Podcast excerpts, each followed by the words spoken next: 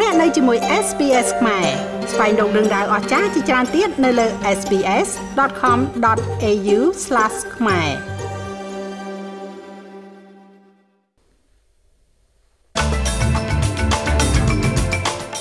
លោក Anthony Albanese មិនបានច្រានចោលការសំទោសជាផ្លូវការចំពោះប្រធានាធិបតីបារាំងជំវិញការខឹងសម្បាចំពោះកិច្ចសន្យានាវាមួយទឹកនោះទេ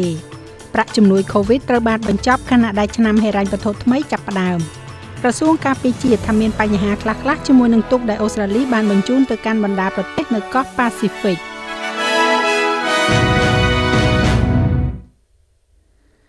លោកនាយករដ្ឋមន្ត្រី Anthony Albanese មិនបានច្រានចោលការសំទោសជាផ្លូវការចំពោះប្រធានាធិបតីបារាំងលោក Emmanuel Macron ជំវិញការខឹងសម្បាចំពោះកិច្ចសន្យានាវាមួយទឹកដែលនៅទីបំផុតគេបានឃើញរដ្ឋាភិបាលរបស់លោកបង់ប្រាក់សំណងដល់ក្រុមហ៊ុនដែលដើមឡើយក្រុងនឹងសាងសង់នាវាមួយទឹករបស់អូស្ត្រាលី។ លោកនាយករដ្ឋមន្ត្រីនឹងជួបប្រជុំតទល់មុខគ្នាមួយទល់នឹងមួយជាមួយនឹងលោកម៉ាក្រុននៅក្នុងអាហារថ្ងៃត្រង់នៅថ្ងៃនេះនៅវិមានអេលីសេក្នុងទីក្រុងប៉ារីសនៅពេលដែលលោកនឹងស្វែងរកការជួសជុលទំនាក់ទំនងដែលខូចខាតបន្ទាប់ពីកិច្ចសន្យាត្រូវបានហែកចោលទោះបីជាលោក Albanese មិនបានច្រានចោលនៅការចេញលិខិតសុំទោសក៏ដោយតែលោកនិយាយថាការសន្ទនាឯកជនរបស់ពួកលោកនឹងនៅតែជាកិច្ចប្រជុំឯកជន។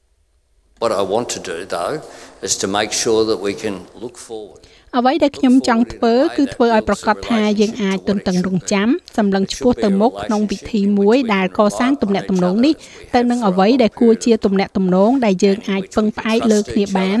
ដោយដែលយើងមានរយៈពេលដ៏យូរមកហើយហើយដែលយើងអាចជឿទុកចិត្តគ្នាទៅវិញទៅមកនិងទទួលបានប្រយោជន៍ទៅវិញទៅមកពីការកសាងទំនាក់ទំនងនោះ។ ប្រាក់ជំនួយដែលតាក់ទងទៅនឹង COVID របស់រដ្ឋាភិបាលត្រូវបានបញ្ចប់ទៅនៅពេលដែលប្រតិទិនឆ្នាំហិរញ្ញវត្ថុថ្មីចាប់ផ្ដើមរដ្ឋមន្ត្រីក្រសួងសុខាភិបាលសហព័ន្ធលោក Mark Butler មានប្រសាសន៍ថាអ្នកដែលឆ្លងមេរោគ COVID-19 នៅតែត្រូវអនុវត្តតាមការណែនាំឲ្យផ្ដាច់ខ្លួនឯងនៅដាច់ដោយឡែកពីគេនៅផ្ទះរយៈពេលមួយសប្តាហ៍ដដែលប៉ុន្តែការទូទាត់ប្រាក់ឈប់សម្រាកពីជំងឺរាតត្បាតនេះនឹងមិនមានទៀតទេ លោក Butler និយាយថារដ្ឋាភិបាលសហព័ន្ធមិនមានលទ្ធភាពផ្នែកហិរញ្ញវត្ថុដើម្បីបន្តផ្ដល់មូលនិធិដែលបានបង្កើតឡើងក្នុងគោលបំណងជាប្រាក់ជំនួយគ្រាអាសន្ននោះឡើយ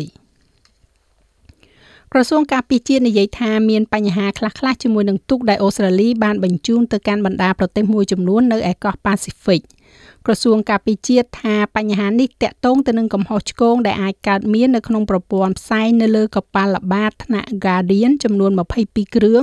ដែលដឹកជញ្ជូនក្រោមកម្មវិធីសន្តិសុខដែនសមុទ្រប៉ាស៊ីហ្វិកដែលមានតម្លៃ2100លានដុល្លារ នាយកដ្ឋាននិយាយថាអ្នកតំណាងកំពុងត្រូវបានបញ្ជូនទៅកាន់ប្រទេសដែលបានទទួលនាវាទាំងនោះដើម្បីជួយជាមួយនឹងវិធានការកែតម្រូវបណ្ដោះអាសន្ននៅមុនពេលដែលមានដំណោះស្រាយរយៈពេលវែង។ផែនការជួសជុលមានរួចស្រាប់ហើយសម្រាប់បញ្ហាផ្សេងទៀតដែលបានលេចឡើងក្នុងរយៈពេល16ខែកន្លងមកនេះដូចជាការប្រេះស្រាំនៅតាមដំណរវាងម៉ាស៊ីននិងប្រអប់លេខនិងខ្យល់ចេញចូលនៅបន្ទប់សម្រាប់ដាក់អ្នកជំងឺជាដើម រដ្ឋាភិបាលរដ្ឋ New South Wales ទំនងហាក់ដូចជាមិនឈានទៅរកការដោះស្រាយវិវាទលើបញ្ហាខ្សែរថភ្លើងថ្មីដែលសាងសង់ដោយក្រុមហ៊ុនកូរ៉េជាមួយនឹងសហជីពផ្លូវដែករបស់រដ្ឋនេះនោះទេ សហជីពកំពុងតែបន្តសកម្មភាពឧស្សាហកម្មរបស់ពួកគេនៅថ្ងៃនេះដោយធ្វើឲ្យមានរថភ្លើងបម្រើសេវាកម្មនៅក្នុងទីក្រុងស៊ីដនីត្រឹមតែ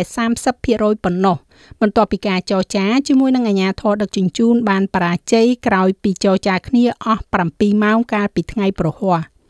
សេចក្តីព្រៀងនៃសំណើរបស់រដ្ឋាភិបាលក្នុងការកែប្រែដើម្បីសុវត្ថិភាព ដែលមានតម្លៃ264លានដុល្លារទទួលបានផលតិចតួចប៉ុណ្ណោះនៅក្នុងការធ្វើឲ្យរថភ្លើងត្រឡប់មករត់នៅលើផ្លូវដែកវិញនៅថ្ងៃនេះដោយសហជីពបានបញ្ញាថាខ្លួនចង់បានកិច្ចព្រមព្រៀងផ្លូវការជាលិលាអសរលោក Alex Classens រដ្ឋលេខាធិការសហជីពផ្លូវដែកនិងរថយន្តក្រុងមានប្រសាសន៍ថាសហជីព RTBU បានរងចាំអស់រយៈពេល6ឆ្នាំកន្លងមកហើយក្នុងការជំរុញឲ្យមានការចាត់សកម្មភាពឡើង We had a promise from a previous transport minister before the last state election យើងមានការសន្យាជាមួយមួយពីរដ្ឋមន្ត្រីក្រសួងដឹកជញ្ជូនពីមុននៅមុនពេលការបោះឆ្នោតរដ្ឋចុងក្រោយនេះនៅមុនពេលចុះកិច្ចព្រមព្រៀងសហគ្រាសចុងក្រោយនេះ យើងមានការសន្យាម្ដងហើយម្ដងទៀតត្រឡប់ក្រោយម្ដងហើយម្ដងទៀតការដែលមិនរក្សាពាក្យសន្យាម្ដងហើយម្ដងទៀតហើយមិនតែប៉ុណ្ណោះគោលដៅត្រូវបានផ្លាស់ប្ដូរយើងទទួលបានរដ្ឋមន្ត្រីរដ្ឋាភិបាលម្នាក់ដែលអង្គុយនៅទីនេះហើយធ្វើការសន្យាបន្ទាប់មក5នាទីក្រោយមកមានអ្នកផ្សេងកំពុងផ្លាស់ប្ដូរច្បាប់មូលដ្ឋាន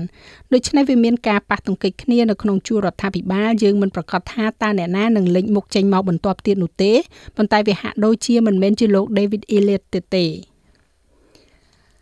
កងកម្លាំងប៉ូលីសនៃរដ្ឋ Queensland កំពុងតែផ្លាស់ប្ដូរលក្ខខណ្ឌអាយុរបស់ពួកគេសម្រាប់ការជ្រើសរើសប៉ូលីសថ្មី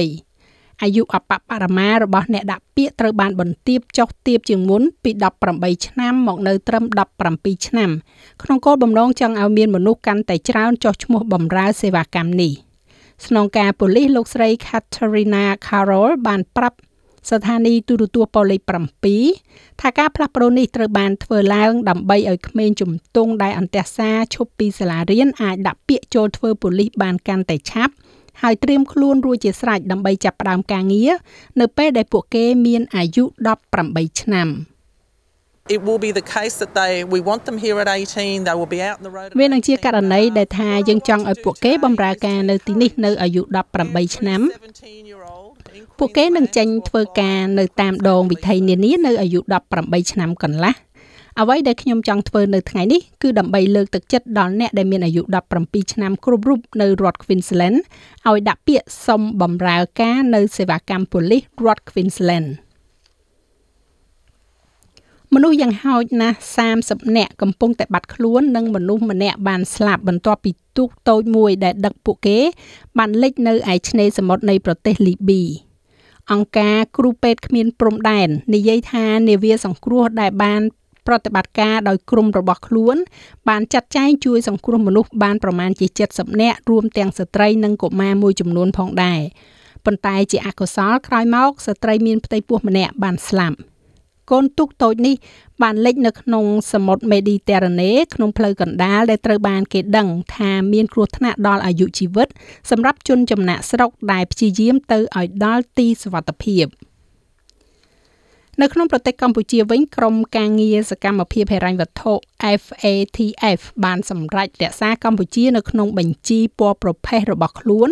ដែលមានន័យថាប្រទេសកម្ពុជានៅតែស្ថិតក្នុងចំណោមប្រទេសដែលមានហានិភ័យលើការលាងលុយកខ្វក់លោកឧបនាយករដ្ឋមន្ត្រីសខេងរដ្ឋមន្ត្រីក្រសួងមហាផ្ទៃនិងជាប្រធានគណៈកម្មាធិការសម្របសម្រួលថ្នាក់ជាតិប្រឆាំងការសម្អាតប្រាក់និងហិរញ្ញប្បទានភេរវកម្ម បានថ្លែងបញ្ជាក់ពីការខិតខំប្រឹងប្រែងទាំងកម្រិតនយោបាយកម្រិតបច្ចេកទេសនៅក្នុងការងារប្រឆាំងការលាងសម្អាតប្រាក់របស់រដ្ឋាភិបាលកម្ពុជាយ៉ាងដូចនេះថាតើជនប្រព្រឹត្តបទល្មើសនោះយកមកពីណាហើយមានប្រមាណរួចហើយតុលាការនឹងធ្វើការវិនិច្ឆ័យដើម្បីបង្កកដើម្បីរំអូសនោះហើយជាកិច្ចការដែលយើងត្រូវធ្វើបន្ត ចាស់លោកមេងផល្លានឹងជួនសេចក្តីរីការលំអិតនៅវគ្គក្រោយជាបន្តទៀតឬក៏លោកអ្នកអាចបើកស្ដាប់នៅរបាយការណ៍ពេញលើគេហទំព័ររបស់យើងនោះគឺ sps.com.au/ ខ្មែរ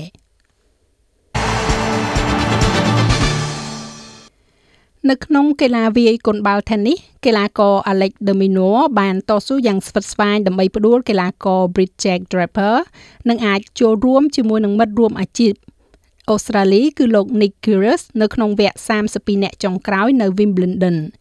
ភ្លៀងបានធ្វើឲ្យការប្រកួតជុំទី2ត្រូវបានផ្អាកអស់រយៈពេលជិត1ម៉ោងខណៈដែលដំបូលត្រូវបានបិទនៅទីលានប្រកួត Court លេខ1ហើយការពន្យាពេលនេះបានគម្រាមកំហែងដល់ Domino ឲ្យព្យួរការប្រកួតសម្រាប់យប់នោះ។ ប៉ុន្តែបន្ទាប់ពីដណ្ដើមបានជ័យជំនះក្នុងសេតទី2ក្នុងពិន្ទុ tie break មកកីឡាករលេខ1របស់អូស្ត្រាលីរូបនេះបានរកឃើញតិចនិចនឹងបានបង្កើនល្បឿនដើម្បីបញ្ចប់ការប្រកួតដើម្បីធានាថារូបលោកនឹងមិនត្រូវបានស្នើសុំឲ្យត្រឡប់មកវិញម្ដងទៀតបន្ទាប់ពីបំរាមកោជរនៅ Wimbledon នោះទេ។ ចាស់ចំណែកឯអត្រាប្តូរប្រាក់វិញនៅថ្ងៃនេះ1ដុល្លារអូស្ត្រាលីមានតម្លៃប្រមាណជា769សេនដុល្លារអាមេរិកត្រូវនឹងជិត2800រៀលប្រាក់រៀលខ្មែរ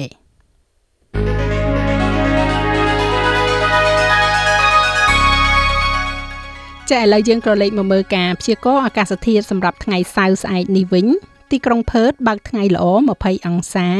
នៅអាដាលេដមានពពក14អង្សា អាចនឹងមានរលឹមនៅមែលប៊ន13អង្សា នៅហូបាត មានពពកដោយពេល12អង្សារលឹមបន្តិចបន្តួចនៅ Canberra 10អង្សា មានភ្លៀងនៅ Sydney 15អង្សា ភ្លៀងដូចគ្នាដែរនៅ Brisbane 16អង្សា ទីក្រុង Cairns មានពពក26អង្សា នៅ Darwin មានពពកដោយពេល29អង្សា និងនៅទីក្រុងភ្នំពេញ មានភ្លៀងផ្គររន្ទះរាយប៉ាយ31អង្សា